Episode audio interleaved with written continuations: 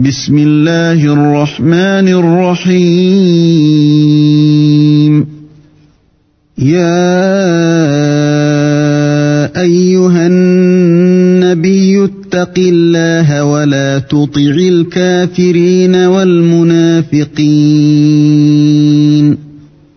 إن الله كان عليما حكيما.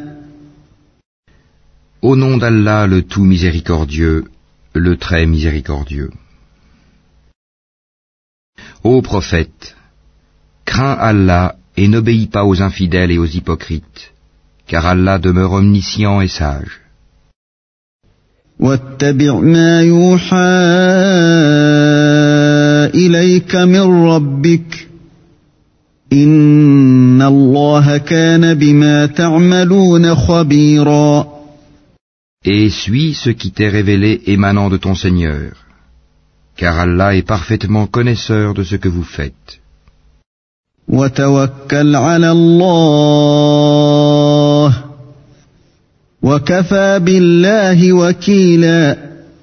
Et place ta confiance en Allah, Allah te suffit comme protecteur. ما جعل الله لرجل من قلبين في جوفه وما جعل ازواجكم اللائي تظاهرون منهن امهاتكم وما جعل ادعياءكم ابناءكم ذلكم قولكم بافواهكم والله يقول الحق وهو يهدي السبيل Allah n'a pas placé à l'homme deux cœurs dans sa poitrine. Il n'a point assimilé à vos mères vos épouses à qui vous dites en les répudiant Tu es aussi licite pour moi que le dos de ma mère. Il n'a point fait de vos enfants adoptifs vos propres enfants. Ce sont des propos qui sortent de votre bouche. Mais Allah dit la vérité, et c'est lui qui met l'homme dans la bonne direction. ودعوهم لآبائهم هو أقسط عند الله فإن لم تعلموا آباءهم فإخوانكم في الدين ومواليكم وليس عليكم جناح فيما أخطأتم به ولكن ما تعمدت قلوبكم وكان الله غفورا رحيما Appelez-les du nom de leur Père, c'est plus équitable devant Allah. Mais si vous ne connaissez pas leur Père, alors considérez-les comme vos frères en religion ou vos alliés. Nul blâme sur vous pour ce que vous faites par erreur, mais vous serez blâmés pour ce que vos cœurs font délibérément. Allah cependant est pardonneur et miséricordieux. النبي أولى بالمؤمنين من أنفسهم وأزواجه أمهاتهم وأولو الأرحام بعضهم أولى ببعض في كتاب الله من المؤمنين والمهاجرين إلا أن تفعلوا إلا أن تفعلوا إلى أوليائكم معروفا كان ذلك في الكتاب مسطورا Le prophète a plus de droits sur les croyants qu'ils n'en ont sur eux-mêmes. Et ses épouses sont leurs mères. Les liens de consanguinité ont dans les successions la priorité sur les liens unissant les croyants de Médine et les émigrés de la Mecque selon le livre d'Allah, à moins que vous ne fassiez un testament convenable en faveur de vos frères en religion. Et cela est inscrit dans le livre. وإذ أخذنا من النبيين ميثاقهم ومنك ومن نوح وإبراهيم وموسى وعيسى بن مريم وعيسى بن مريم وأخذنا منهم ميثاقا غليظا. Lorsque nous prîmes des prophètes leur engagement, de même que de toi, de Noé, d'Abraham, de Moïse et de Jésus, fils de Marie, et nous avons pris d'eux un engagement solennel,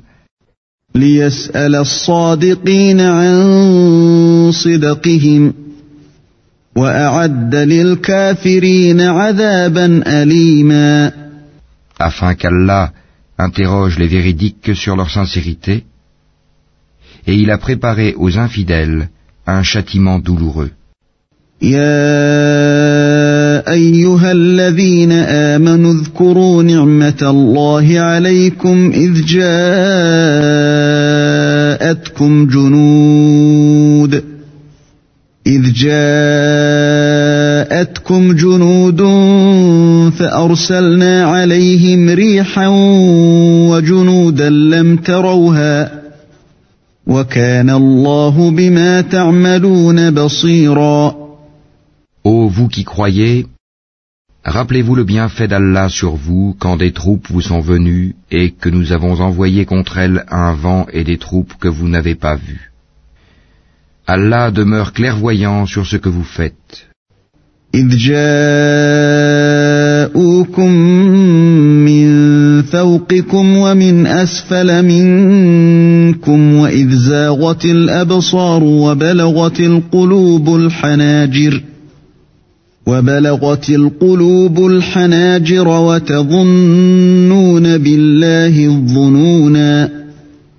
Quand ils vous vinrent d'en haut et d'en bas de toutes parts, et que les regards étaient troublés, et les cœurs remontaient aux gorges, et vous faisiez sur Allah toutes sortes de suppositions,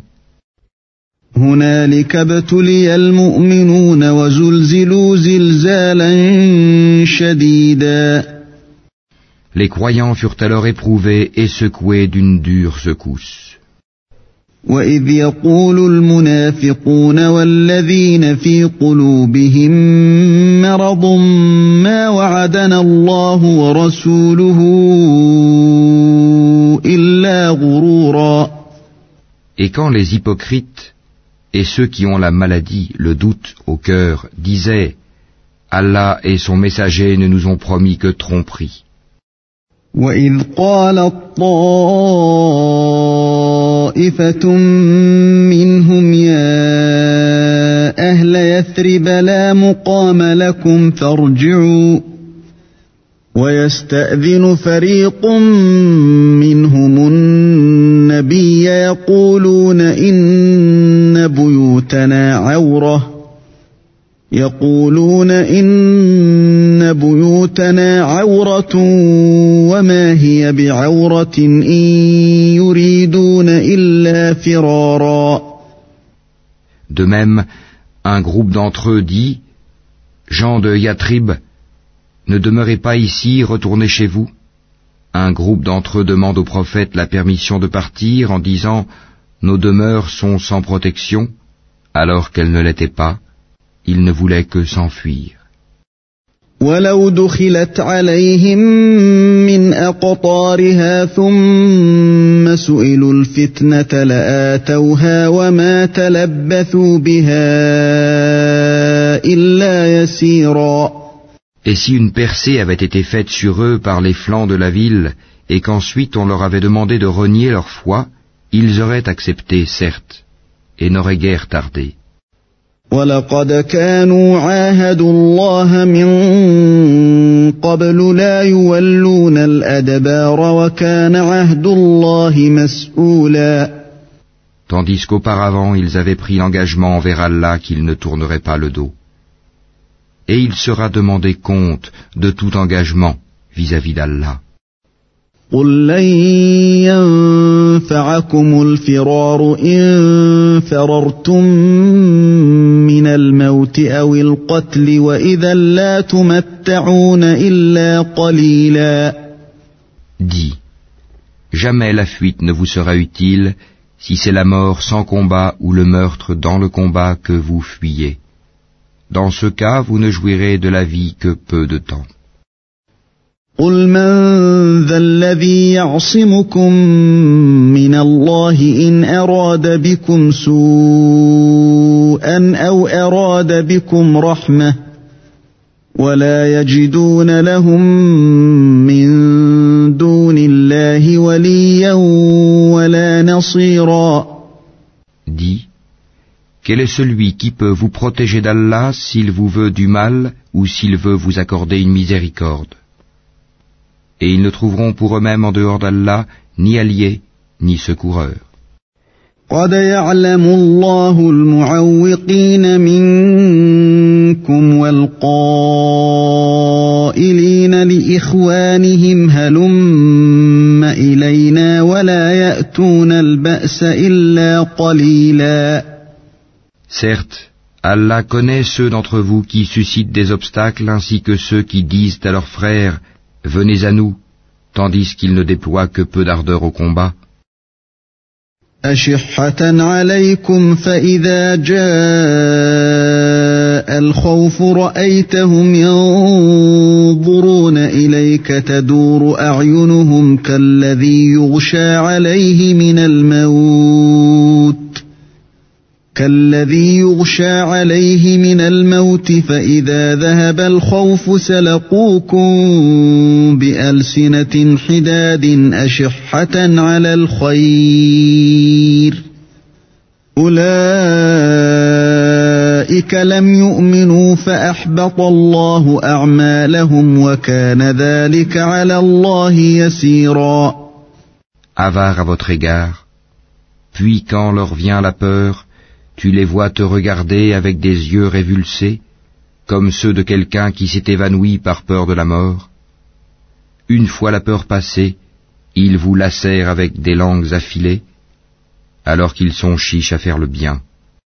Ceux-là n'ont jamais cru, Allah donc rend vaines leurs actions, et cela est facile à Allah. يحسبون الأحزاب لم يذهبوا وإن يأتي الأحزاب يودوا لو أنهم بادون في الأعراب يسألون عن أنبائكم يسألون عن أنبائكم ولو كانوا فيكم ما قاتلوا إلا قليلا Ils pensent que les coalisés ne sont pas partis. Or, si les coalisés revenaient, ces gens-là souhaiteraient être des nomades parmi les Bédouins, et se contenteraient de demander de vos nouvelles. S'ils étaient parmi vous, ils n'auraient combattu que très peu. لقد كان لكم في رسول الله أسوة حسنة لمن كان يرجو الله واليوم الآخر وذكر الله كثيرا En effet, vous avez dans le messager d'Allah un excellent modèle à suivre, pour quiconque espère en Allah et au jour dernier, et invoque Allah fréquemment. ولما راى المؤمنون الاحزاب قالوا هذا ما وعدنا الله ورسوله وصدق الله ورسوله وما زادهم الا ايمانا وتسليما Et quand les croyants virent les coalisés, ils dirent Voilà ce qu'Allah et son messager nous avaient promis. Et Allah et son messager disaient la vérité. Et cela ne fit que croître leur foi et leur soumission.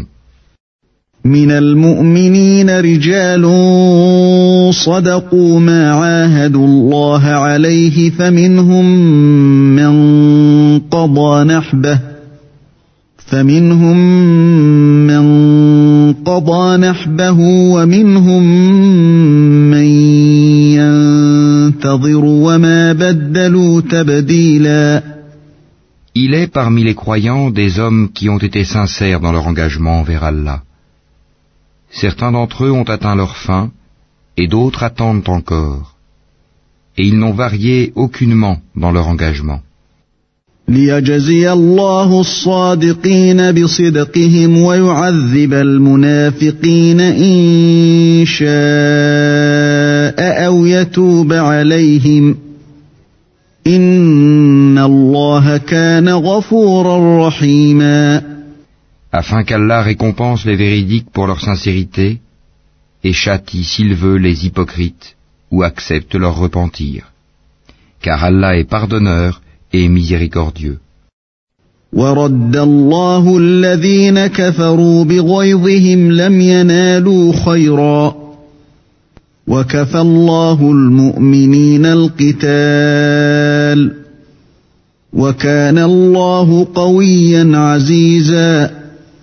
Et Allah a renvoyé avec leur rage les infidèles sans qu'ils n'aient obtenu aucun bien, et Allah a épargné aux croyants le combat. Allah est fort et puissant.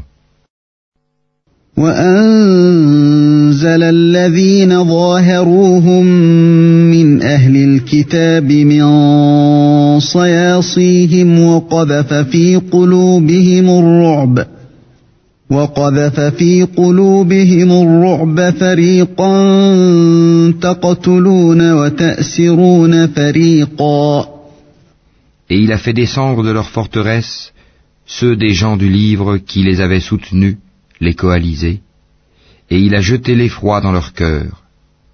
Un groupe d'entre eux vous tuiez, et un groupe vous faisiez prisonniers. وأورثكم أرضهم وديارهم وأموالهم وأرضا لم تطئوها وكان الله على كل شيء قديرا Et il vous a fait hériter leurs terres, leurs demeures, leurs biens, et aussi une terre que vous n'aviez point foulée. Et Allah est omnipotent. يا أيها النبي قل لأزواجك إن كنتن تردن الحياة الدنيا وزينتها فتعالين فتعالين أمتعكن وأسرحكن سراحا جميلا. Ô prophète, dis à tes épouses, si c'est la vie présente que vous désirez et sa parure, alors venez, je vous donnerai les moyens d'en jouir, et vous libérerai par un divorce sans préjudice.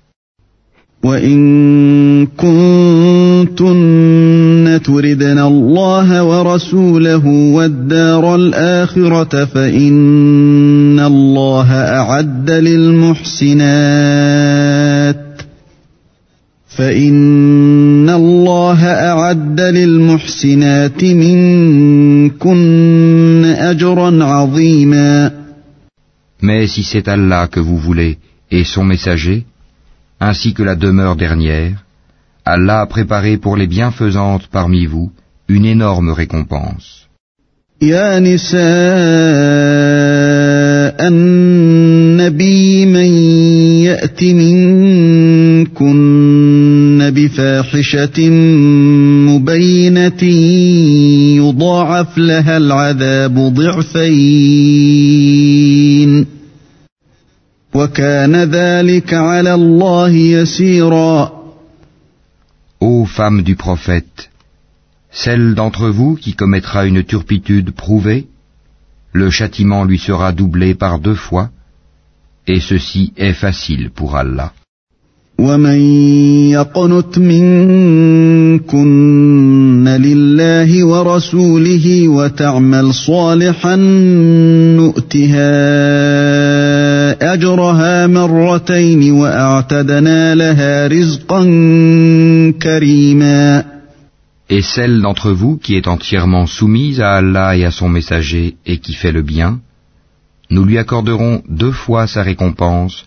et nous avons préparé pour elle une généreuse attribution. يا نساء النبي لستن كأحد من اتقيتن فلا تخضعن بالقول فيطمع الذي في قلبه مرض وقلن قولا معروفا Ô femme du prophète, vous n'êtes comparable à aucune autre femme. Si vous êtes pieuse, ne soyez pas trop complaisante dans votre langage, afin que celui dont le cœur est malade, l'hypocrite, ne vous convoite pas. Et tenez un langage décent. وقرن في بيوتكن ولا تبرجن تبرج الجاهلية الأولى وأقمنا الصلاة وأقمنا الصلاة وآتينا الزكاة وأطعنا الله ورسوله إنما يريد الله ليذهب عنكم الرجس أهل البيت ويطهركم تطهيرا Restez dans vos foyers et ne vous exhibez pas à la manière des femmes d'avant l'islam, Jaélia. Accomplissez la salat, acquittez la zakat et obéissez à Allah et à son messager. Allah ne veut que vous débarrasser de toute souillure aux gens de la maison du prophète et veut vous purifier pleinement. واذكرن ما يتلى في بيوتكن من آيات الله والحكمة إن الله كان لطيفا خبيرا Et gardez dans vos mémoires ce qui, dans vos foyers, est récité des versets d'Allah et de la sagesse. Allah est doux et parfaitement connaisseur. ان المسلمين والمسلمات والمؤمنين والمؤمنات والقانتين والقانتات والصادقين والصادقات والصابرين والصابرات والخاشعين والخاشعين والخاشعات والمتصدقين والمتصدقات والصائمين والصائمات والحافظين فروجهم والحافظين فروجهم والحافظات والذاكرين الله كثيرا والذاكرات أعد الله لهم ۖ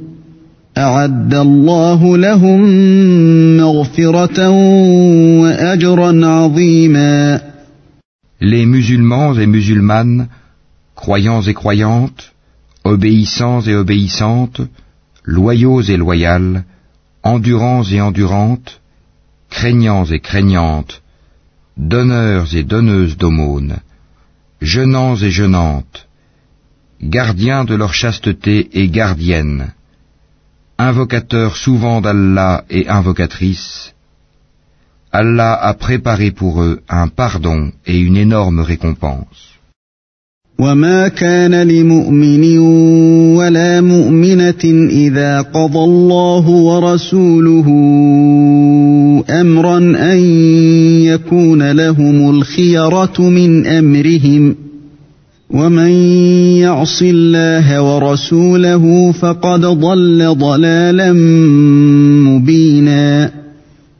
il n'appartient pas à un croyant ou à une croyante, une fois qu'Allah et son messager ont décidé d'une chose, d'avoir encore le choix dans leur façon d'agir. Et quiconque désobéit à Allah et à son messager, s'est égaré, certes, d'un égarement évident. واذ تقول للذي انعم الله عليه وانعمت عليه امسك عليك زوجك واتق الله وتخفي في نفسك وتخفي في نفسك ما الله مبديه وتخشى الناس والله احق ان تخشاه فلما قضى زيد منها وطرا زوجناكها لكي لا يكون على المؤمنين حرج. لكي لا يكون على المؤمنين حرج في أزواج أدعيائهم إذا قضوا منهن وطرًا.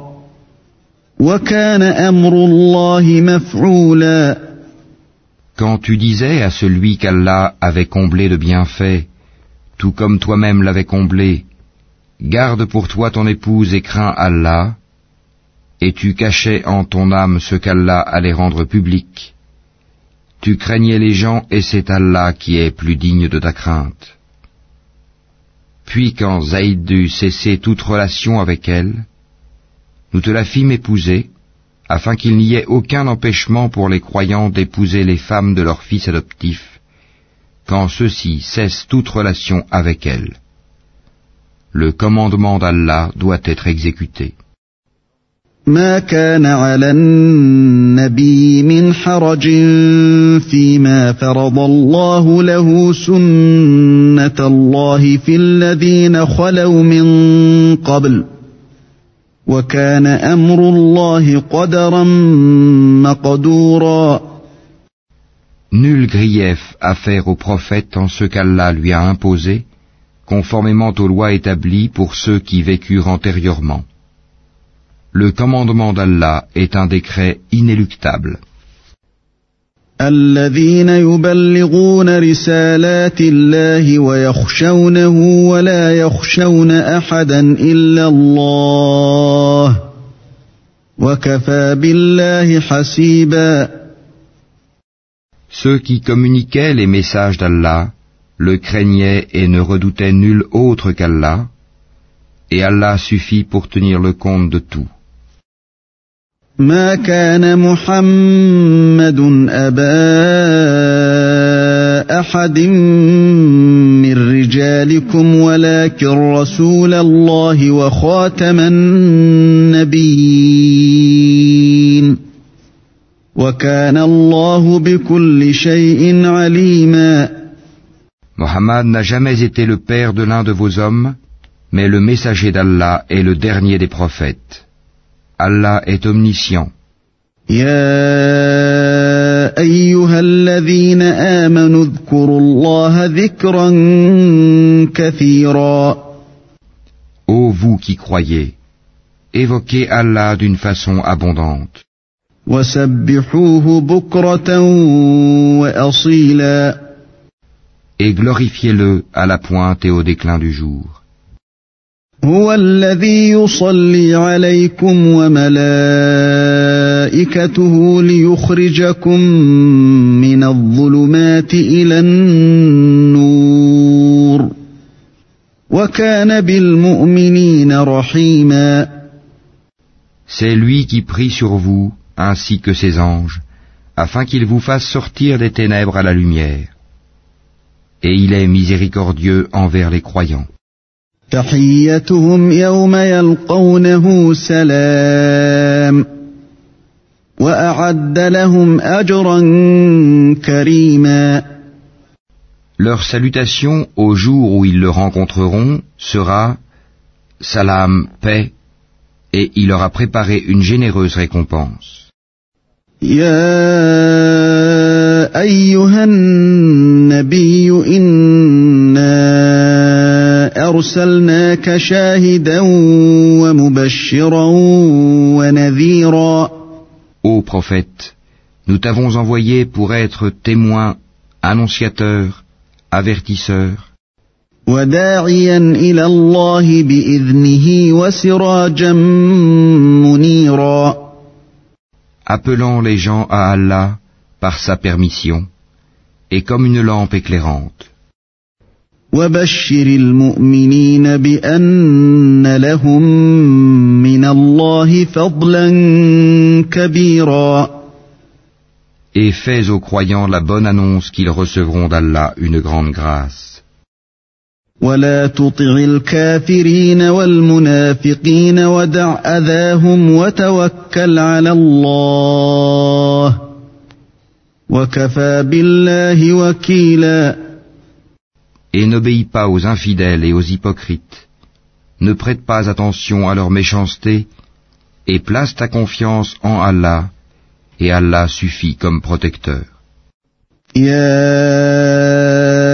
ايها الذين امنوا اذا نكحتم المؤمنات ثم طلقتموهن من قبل أن تمسوهن فما لكم عليهن فما لكم عليهن من عدة تعتدونها فمتعوهن وسرحوهن سراحا جميلا.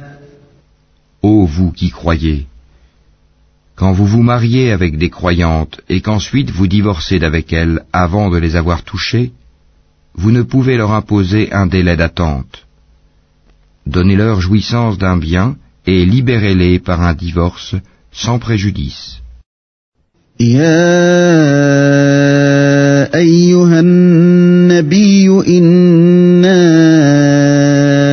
أحللنا لك أزواجك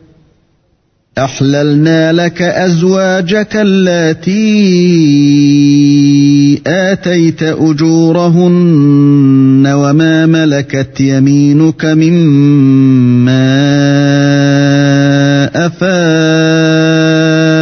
الله عليك وبنات عمك وبنات عمك وبنات عماتك وبنات خالك وبنات خالاتك اللاتي هاجرن معك وامرأة مؤمنة وامرأة مؤمنة إن وهبت نفسها للنبي إن أراد النبي أن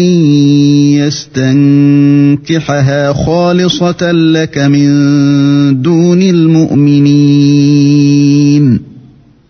قد علمنا ما فرضنا عليهم في أزواجهم وما ملكت أيمانهم لكي لا يكون عليك حرج وكان الله غفورا رحيما Ô prophète, nous t'avons rendu licite tes épouses à qui tu as donné leur mare, dot, ce que tu as possédé légalement parmi les captives ou esclaves qu'Allah t'a destinées, les filles de ton oncle paternel, les filles de tes tantes paternelles, les filles de ton oncle maternel, et les filles de tes tantes maternelles, celles qui avaient émigré en ta compagnie, ainsi que toute femme croyante si elle fait don de sa personne au prophète, pourvu que le prophète consente à se marier avec elle. C'est là un privilège pour toi, à l'exclusion des autres croyants. Nous savons certes ce que nous leur avons imposé au sujet de leurs épouses et des esclaves qu'ils possèdent, afin qu'il n'y eût donc point de blâme contre toi. Allah est pardonneur et miséricordieux.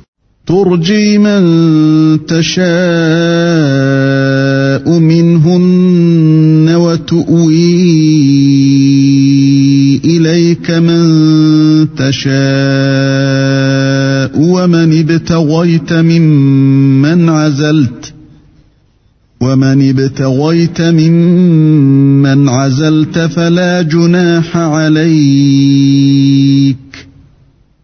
ذلك أدنى أن تقر أعينهن ولا يحزن ويرضين بما آتيتهن. والله يعلم ما في قلوبكم وكان الله عليما حليما Tu fais attendre qui tu veux d'entre elles, et tu héberges chez toi qui tu veux. Puis il ne t'est fait aucun grief si tu invites chez toi l'une de celles que tu avais écartées. Voilà ce qui est le plus propre à les réjouir, à leur éviter tout chagrin et à leur faire accepter de bon cœur ce que tu leur as donné à toutes. Allah sait cependant ce qui est en vos cœurs, et Allah est omniscient et indulgent. لا يحل لك النساء من بعد ولا أن تبدل بهن من أزواج ولو أعجبك حسنهن إلا ما ملكت يمينك وكان الله على كل شيء رقيبا Il ne t'est plus permis désormais de prendre d'autres femmes, ni de changer d'épouse, même si leur beauté te plaît, à l'exception des esclaves que tu possèdes. Et Allah observe toutes choses. يا أيها الذين آمنوا لا تدخلوا بيوت النبي إلا أن يؤذن لكم إلى طعام غير ناظرين إناه ولكن إذا دعيتم ولكن إذا دعيتم فادخلوا فإذا طعمتم فانتشروا ولا مستأنسين لحديث. إن ذلكم كان يؤذي النبي فيستحيي منكم والله لا يستحيي من الحق. واذا سالتموهن متاعا فاسالوهن من وراء حجاب ذلكم اطهر لقلوبكم وقلوبهن وما كان لكم ان تؤذوا رسول الله ولا ان تنكحوا ازواجه من بعده ابدا ان ذلكم كان عند الله عظيما Ô vous qui croyez N'entrez pas dans les demeures du prophète, à moins qu'invitation ne vous soit faite à un repas sans être là à attendre sa cuisson. Mais lorsqu'on vous appelle, alors entrez. Puis, quand vous aurez mangé, dispersez-vous sans chercher à vous rendre familier pour causer. Cela faisait de la peine au prophète, mais il se gênait de vous congédier, alors qu'Allah ne se gêne pas de la vérité. Et si vous leur demandez à ces femmes quelque objet, demandez-le leur derrière un rideau. C'est plus pur pour vos cœurs et leurs cœurs vous ne devez pas faire de la peine au messager d'Allah, ni jamais vous marier avec ses épouses après lui. Ce serait auprès d'Allah un énorme péché.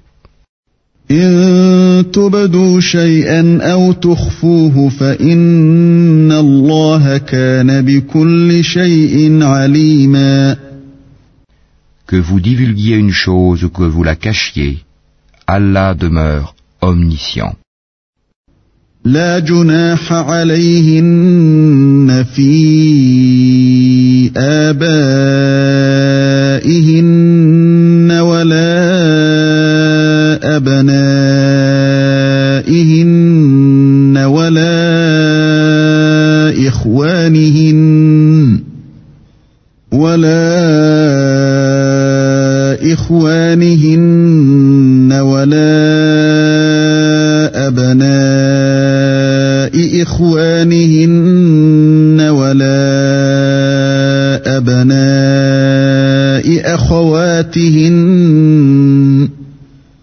ولا أبناء أخواتهن ولا نسائهن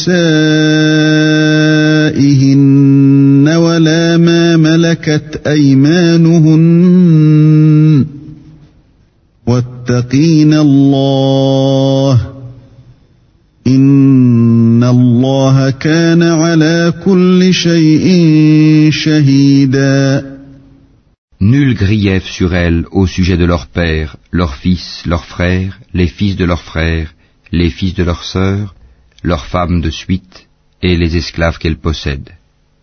Et craignez Allah, car Allah est témoin de toutes choses. إن الله وملائكته يصلون على النبي يا أيها الذين آمنوا صلوا عليه وسلموا تسليما Certes, Allah et ses anges prient sur le prophète. Ô vous qui croyez, priez sur lui et adressez-lui vos salutations. إن الذين يؤذون الله ورسوله لعنهم الله في الدنيا والآخرة وأعد لهم عذابا مهينا Ceux qui offensent Allah et son messager, Allah les maudit ici-bas comme dans l'au-delà et leur prépare un châtiment avilissant. والذين يؤذون المؤمنين والمؤمنات بغير ما اكتسبوا فقد احتملوا بهتانا واثما مبينا Et ceux qui offensent les croyants et les croyantes sans qu'ils l'aient mérité se chargent d'une calomnie et d'un péché évident. يا أيها النبي قل لأزواجك وبناتك ونساء المؤمنين يدنين عليهن من جلابيبهن. ذلك أدنى أن يعرفن فلا يؤذين.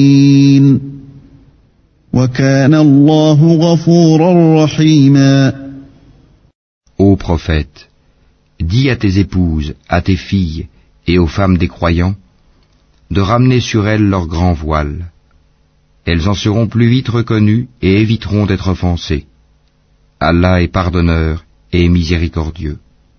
لئن لم ينته المنافقون والذين في قلوبهم مرض والمرجفون في المدينة لنغرينك بهم لنغرينك بهم ثم لا يجاورونك فيها إلا قليلا Certes, si les hypocrites, ceux qui ont la maladie au cœur, et les alarmistes, semeurs de troubles à Médine, ne cessent pas, nous t'inciterons contre eux, et alors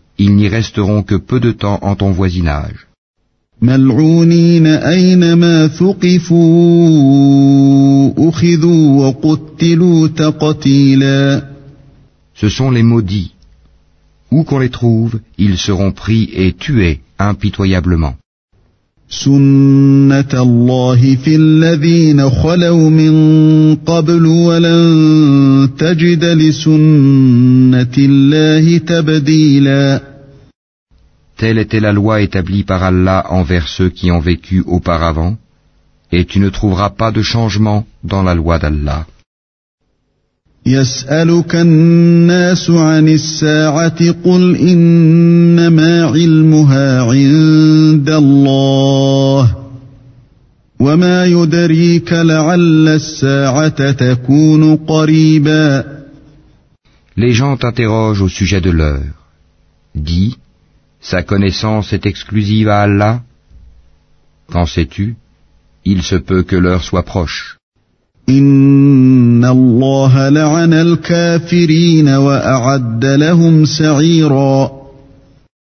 Allah a maudit les infidèles et leur a préparé une fournaise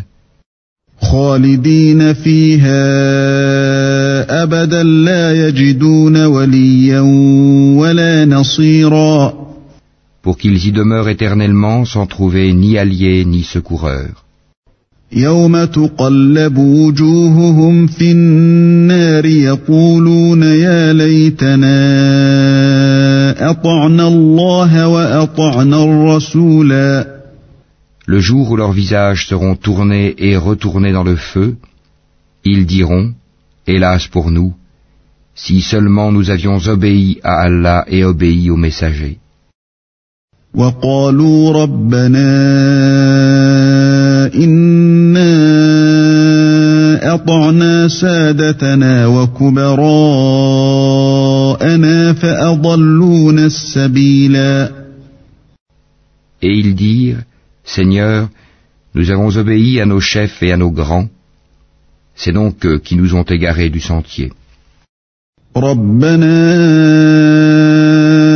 آتهم ضعفين من العذاب والعنهم لعنا كبيرا Ô notre Seigneur, inflige-leur deux fois le châtiment et maudit-les d'une grande malédiction. يا أيها الذين آمنوا لا تكونوا كالذين آذوا موسى فبرأه الله مما قالوا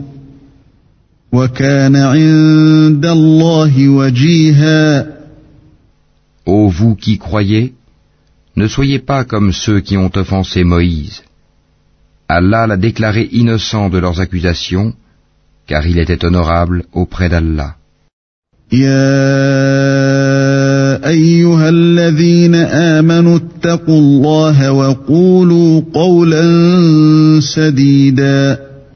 Ô vous qui croyez, craignez Allah et parlez avec droiture, يصلح لكم اعمالكم ويغفر لكم ذنوبكم ومن يطع الله ورسوله فقد فاز فوزا عظيما afin qu'il améliore vos actions et vous pardonne vos péchés.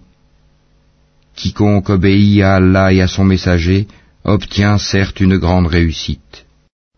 إنا عرضنا الأمانة على السماوات والأرض والجبال فأبين أن يحملنها فأبين أن يحملنها وأشفقن منها وحملها الإنسان إنه كان ظلوما جهولا.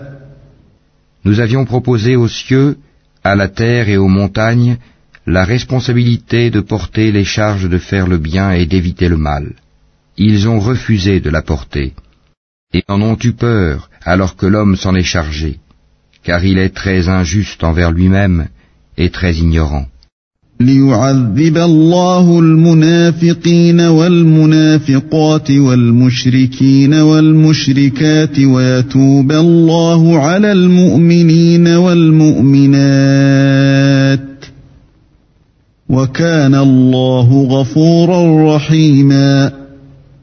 Il en est ainsi, afin qu'Allah châtie les hypocrites, hommes et femmes, et les associateurs et les associatrices, et Allah accueille le repentir des croyants et des croyantes. Allah est pardonneur et miséricordieux.